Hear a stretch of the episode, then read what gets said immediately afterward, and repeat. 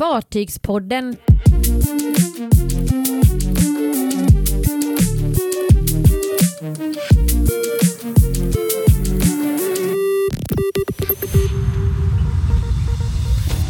Köper Disney Cruises Global Dream. Rekordår för skrotade fartyg. Färjerederiet beställer fartyg för en miljard.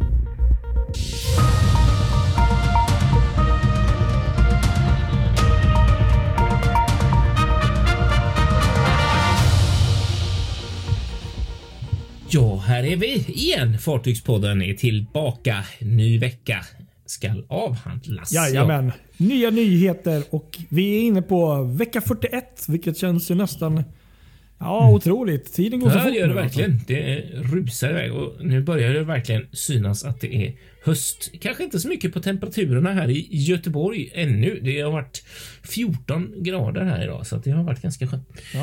Kristoffer right. Kullenberg Rotvall heter jag i alla fall ifrån Göteborg. Eh, den ena delen av Fartygspodden. Vad heter den andra? Ja, jag heter då Patrik Leiner och sitter i en ort utanför Stockholm. Just det. Så är det. Precis. Vi har ju då, för den som har missat det, börjat med ett nytt koncept här på Fartygspodden där vi kör avsnitt på kvarten ish. Det är tanken. Ja, precis. 15, 16, ja, 17 minuter. Precis. Exakt. Så vi kör väl igång direkt här med veckans riktigt stora snackis faktiskt. Måste jag säga.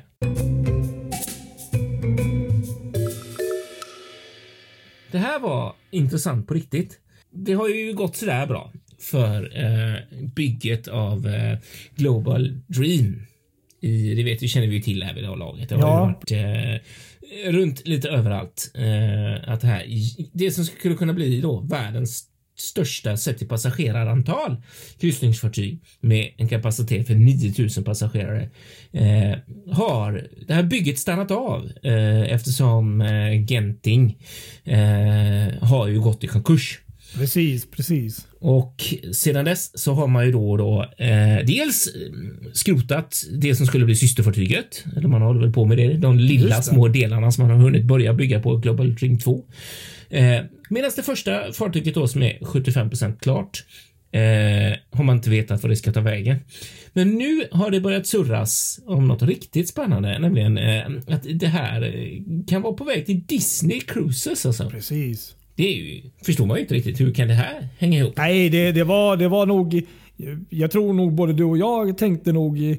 Vi hörde ju att det var ju många intressanta där. Att eh, typ Royal Caribbean, MSC tycktes jag höra något rykte om. Ja. Och andra. och man tänkte väl nästan rent generellt kanske Royal Caribbean i och med att det här fartygsklassen ändå liknade ändå mm. det som mest ser ut som Oasis Class om man ska jämföra med så. Men, eh, men att det skulle vara Disney var nog bland, bland de Ja, det var det faktiskt. Det var någon. verkligen oväntat. Då är det, men men det, det är rätt intressant för att eh, eh, jag tänker så här. Nu har man då för den kinesiska marknaden tänkt sig ett fartyg här för 9000 passagerare. Men om jag inte fattat helt fel så baseras den siffran en hel del på att alla hytterna ombord kommer liksom vara byggda för fyra passagerare.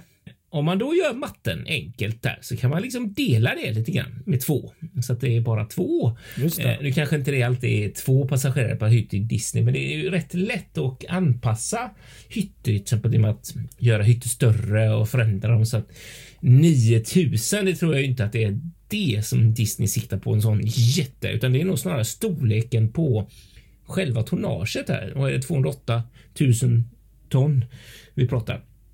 Så det är ju lite mindre än, än, än eh, Royal Caribbeans bjässar, men ändå fullt i klass med dem. Eh, så att ja, kanske. Och, och, där, jag menar, men man tänker ju också lite. Det finns ju en annan grej som gör att det rimmar rätt bra ihop och det är ju Disney och deras koncept med, med nöjesparker. Eh, och det kanske är någonting sånt man vill använda ytan till, att det blir ett, ett riktigt, alltså att man verkligen kan göra ett nöjes. Jag vet inte, men eh, ja, något sånt. Ja, nej, det, är, det är ett fartyg som verkligen ser annorlunda ut om man nu tänker... Det här är lite kul. Vi ska ju också tillägga att Disney Cruises inte för så himla länge sedan eh, hade ju liksom premiär med ett eh, helt ny fartygsklass, Disney Wish ja. där. Två systrar till ska ju byggas i den klassen. så att Det här känns det som att det här var ju väldigt, också en anledning till att man inte misstänkte att de skulle köpa det. Och det här fartyget ser ju helt annorlunda ut. Så det jag tänker är att, att eh, det kommer ju nog krävas en hel del ombyggnation interiörsmässigt absolut på alla mm. nivåer tror jag. Men, men också kanske en del, kanske även det som kommer synas ja, utanpå. Då. Precis.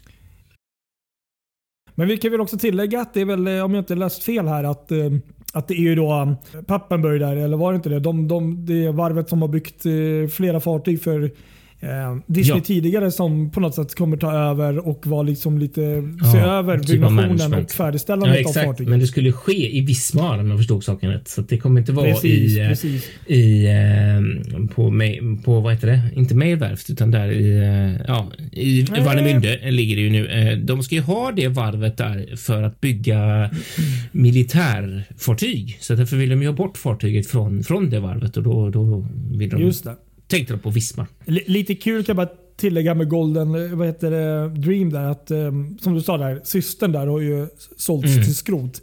Det där har jag märkt också ett antal gånger i, i medier att man har ju liksom alltid lagt upp fel ja. bild där. Det är ju på Golden Dream. Så att många har ju trott liksom att, att oj, nu har de ju byggt klart ett fartyg och det ska ju mm. skrotas mm. helt och hållet direkt ja, nu. Liksom, vilket Exakt. kan ju ja, vara vilseledande och fel. Precis, håller med. Exakt. Men sen så har ju inte vad jag kunnat se i alla fall Disney själva kommenterat detta på något sätt. Och inte nej. Pappenburg heller. Inte Meijerwerft heller. Men de har inte sagt nej, nej heller. men det vet det... man hur det där är ser du. Så det kan vi inte lita på. Men eh, det är väldigt spännande mm. surr i alla fall. Så det här får vi verkligen hålla koll på. Det är det. Det kommer nog mer om det. Spännande är det. Va? Ja, det är det. Helt klart. Verkligen.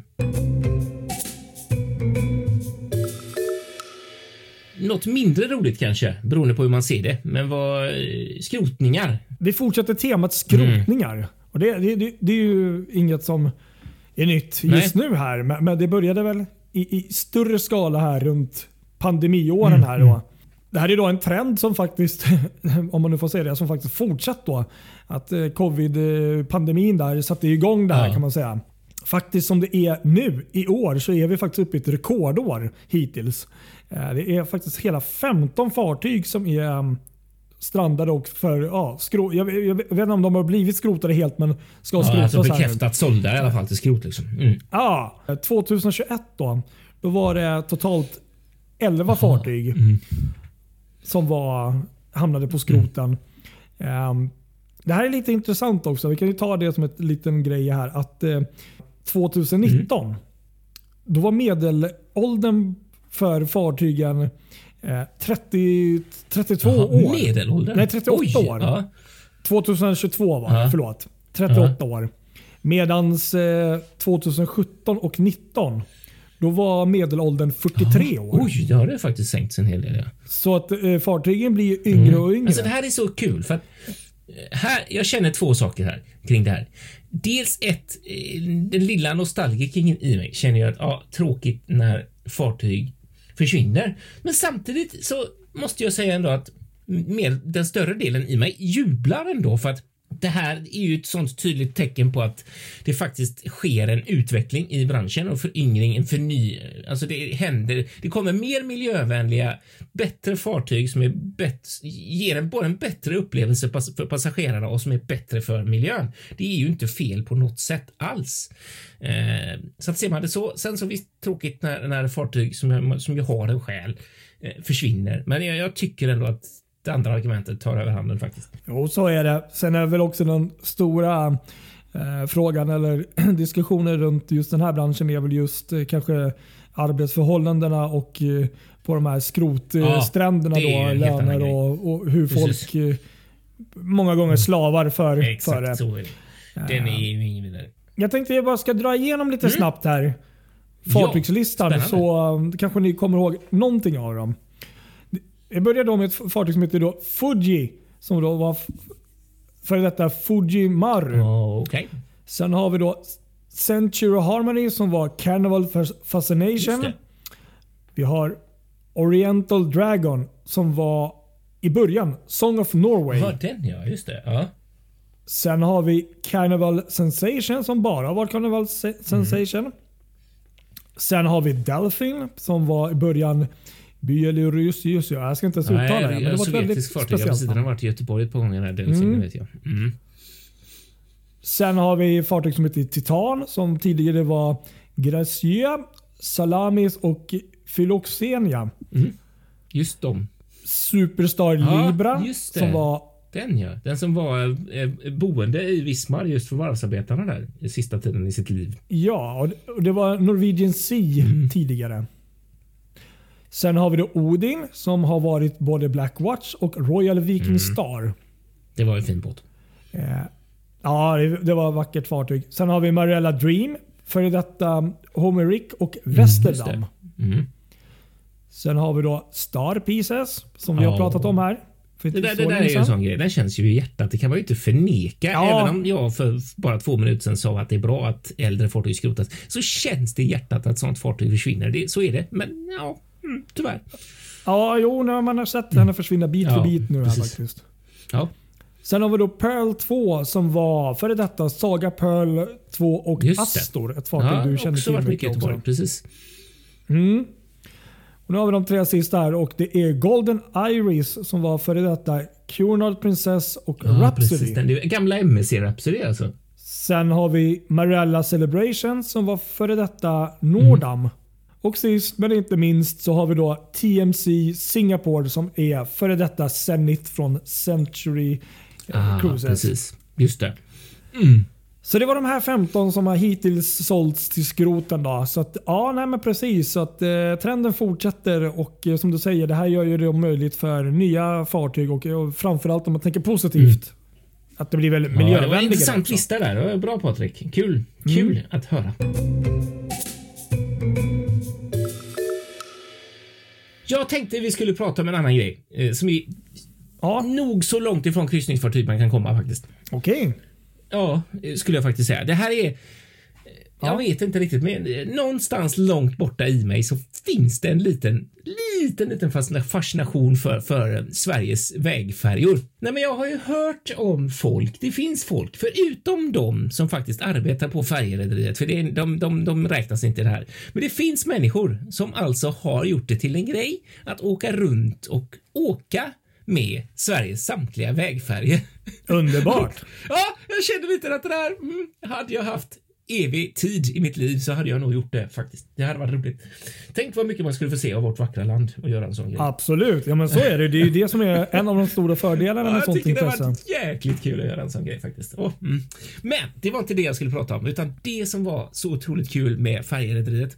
Det är att de nu har lagt sin miljardorder på fyra nya eh, eh, eldrivna automatiserade eh, färjor för Ljusteröleden, i Stockholm och Vaxholmsleden. Vi har pratat om de här tidigare och nu är alltså själva orden lagd och det gick mm. till ett, eh, Superkul. ett, ett varv i Holland då som ska som ska bygga dessa high tech båtar. För det är verkligen vad det kommer bli. Det kommer bli de mest high tech eh, färgerna i Sverige, eh, i alla fall när det kommer till vägfärger. Det kan man ju ja. lugnt säga.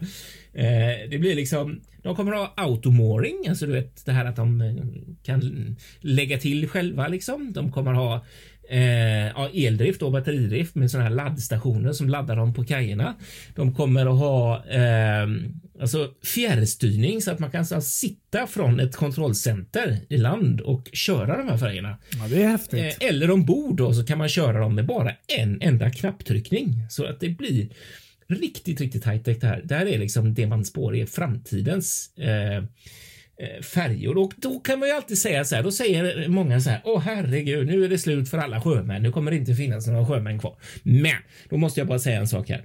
Det här är intressant. På det här sättet flyger man ju flygplan. Rätta mig fel. Du, du har mer koll på flygplan än vad jag har, men där sitter ju inte en människa och hela tiden kör, utan det är ju en autopilot som går på i stort sett hela resan, eller hur? Ja, det kan det. Jo. Eh. Oftast. Ja, och här förväntar jag mig att det blir lite samma sak. Nu kommer det vara en dator som kör eh, färgerna under övervakning av en befälhavare. Eh, det kommer dröja otroligt länge innan innan vi ser ett fartyg med passagerare som kör fram och tillbaka utan någon besättning. Okej, okay, så, så det, det, det är ändå befälhavare på bryggan? Ja, det kommer ju finnas ja, personal Ja, men då är det ju som flyg ungefär. Exakt, det är ju inte så. Men sen så som sagt, det blir väldigt, väldigt automatiserat och det här är det som är intressanta för att eh, när det kommer till eh, hur man kör färjor och eh, du vet så här, hur man gör. Man trycker på gasen lite grann så gör ju en människa lite olika varje gång, men en dator gör samma sak varje gång, vilket innebär att det blir alltid exakt lika låg bränsleförbrukning. Eh, I det här fallet så pratar vi batterier så det blir ju elförbrukning. Eh, det är den stora fördelen, men, men, eh, men sen så, så eh, som sagt, det behöver vara någon som trycker på den här knappen som finns ombord än så länge i alla fall. Några snabba grejer till. Vi måste ta det här också innan vi, vi stänger. Vi har gått över vår kvart nu, men, men några snabbisar. Du hade någon spännande grej om MSC här. Jajamensan, det här är faktiskt eh, helt nytt och idag faktiskt öppnades faktiskt eh, försäljningarna för de här resorna. Aha. Det är nämligen så att MSC Fantasia från och med nästa år, jag tror det är 26 maj första datumet, eh, kommer bli hemmahamn Stockholm under sommaren. Cool. Fartyget kommer göra 14 dagars kryssningar från Stockholm. Du kliver av och du kliver ombord där som sluthamn. Kul. Eh, tvärtom då. Det låter underbart. Och eh, Det som gjorde mig lite förvånad, för oftast har det ju varit så att, eh, att man kör eh, Östersjön då, och sen avslutar med norska fjorden. Men här gör man helt tvärtom. Man kör ner till Kiel först en liten snabb sväng och sen kör man jag tror det var fyra stycken stopp i norska fjordarna och sen tillbaka där via någon rutt där och sen så kör man Östersjön med mm. bland annat Helsingfors och Tallinn och, och lite sånt. Mm. Om jag inte minns fel. Eh, och Köpenhamn fanns med även där. Så är väldigt trevlig, nu kommer jag inte ihåg alla stoppar, men väldigt trevlig rutt. Och som sagt, första gången någonsin om jag inte har fel som MEC faktiskt har Stockholm som hemmabas. Ja, kul, det var roligt att höra. Det där får man ju kolla upp. Verkligen. Så 26 maj nästa år. Ja, spännande. Fantasia, MEC mm. Fantasia. Mm. Mm. Sen eh, är det ju, var det ju en bild där som även du såg. Asamaras eh, fyra stycken fartyg möttes ju i Cooper där oh, i Slovenien. Oh, wow. Mm. Fantastiskt första gången det här hände och det var ju då Asamara alla fartyg då och eh, till och med att det var så att man firade det här faktiskt från kommunfolket där i, i staden och hade en så plakatutdelning där på alla, mm. där alla kaptenerna från de olika fartygen var inbjudna och eh, hade det här historiska mötet. Det är ju fantastiskt. Riktigt kul verkligen.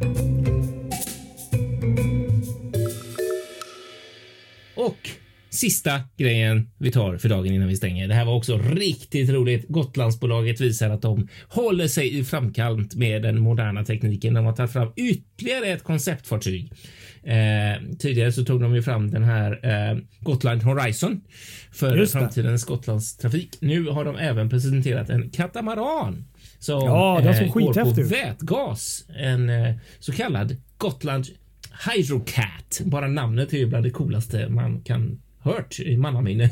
Gotland Hydrocat. Världens, det blir världens första storskaliga snabbgående katamaran med fossilfri vätgasdrift och eh, konceptet är så långt utvecklat att, att, att, man har en ambition att kunna beställa ett sånt här fartyg 2025 för att sätta trafik då till 2030. Med det lilla förbehållet att man då såklart hoppas kunna få eh, avtalet om Gotlandstrafiken från och med 2027. Annars blir det också lite onödigt om det skulle gå till någon annan. Men eh, det är väl så man tänker att man vill ligga lite fram, framkant här och eh, visa vad man tänker göra om man får det där avtalet. Så så är det. Det var väl det, det tänker jag. Ja, ja nej, det såg jättehäftigt ut. Eh, spännande projekt. Verkligen.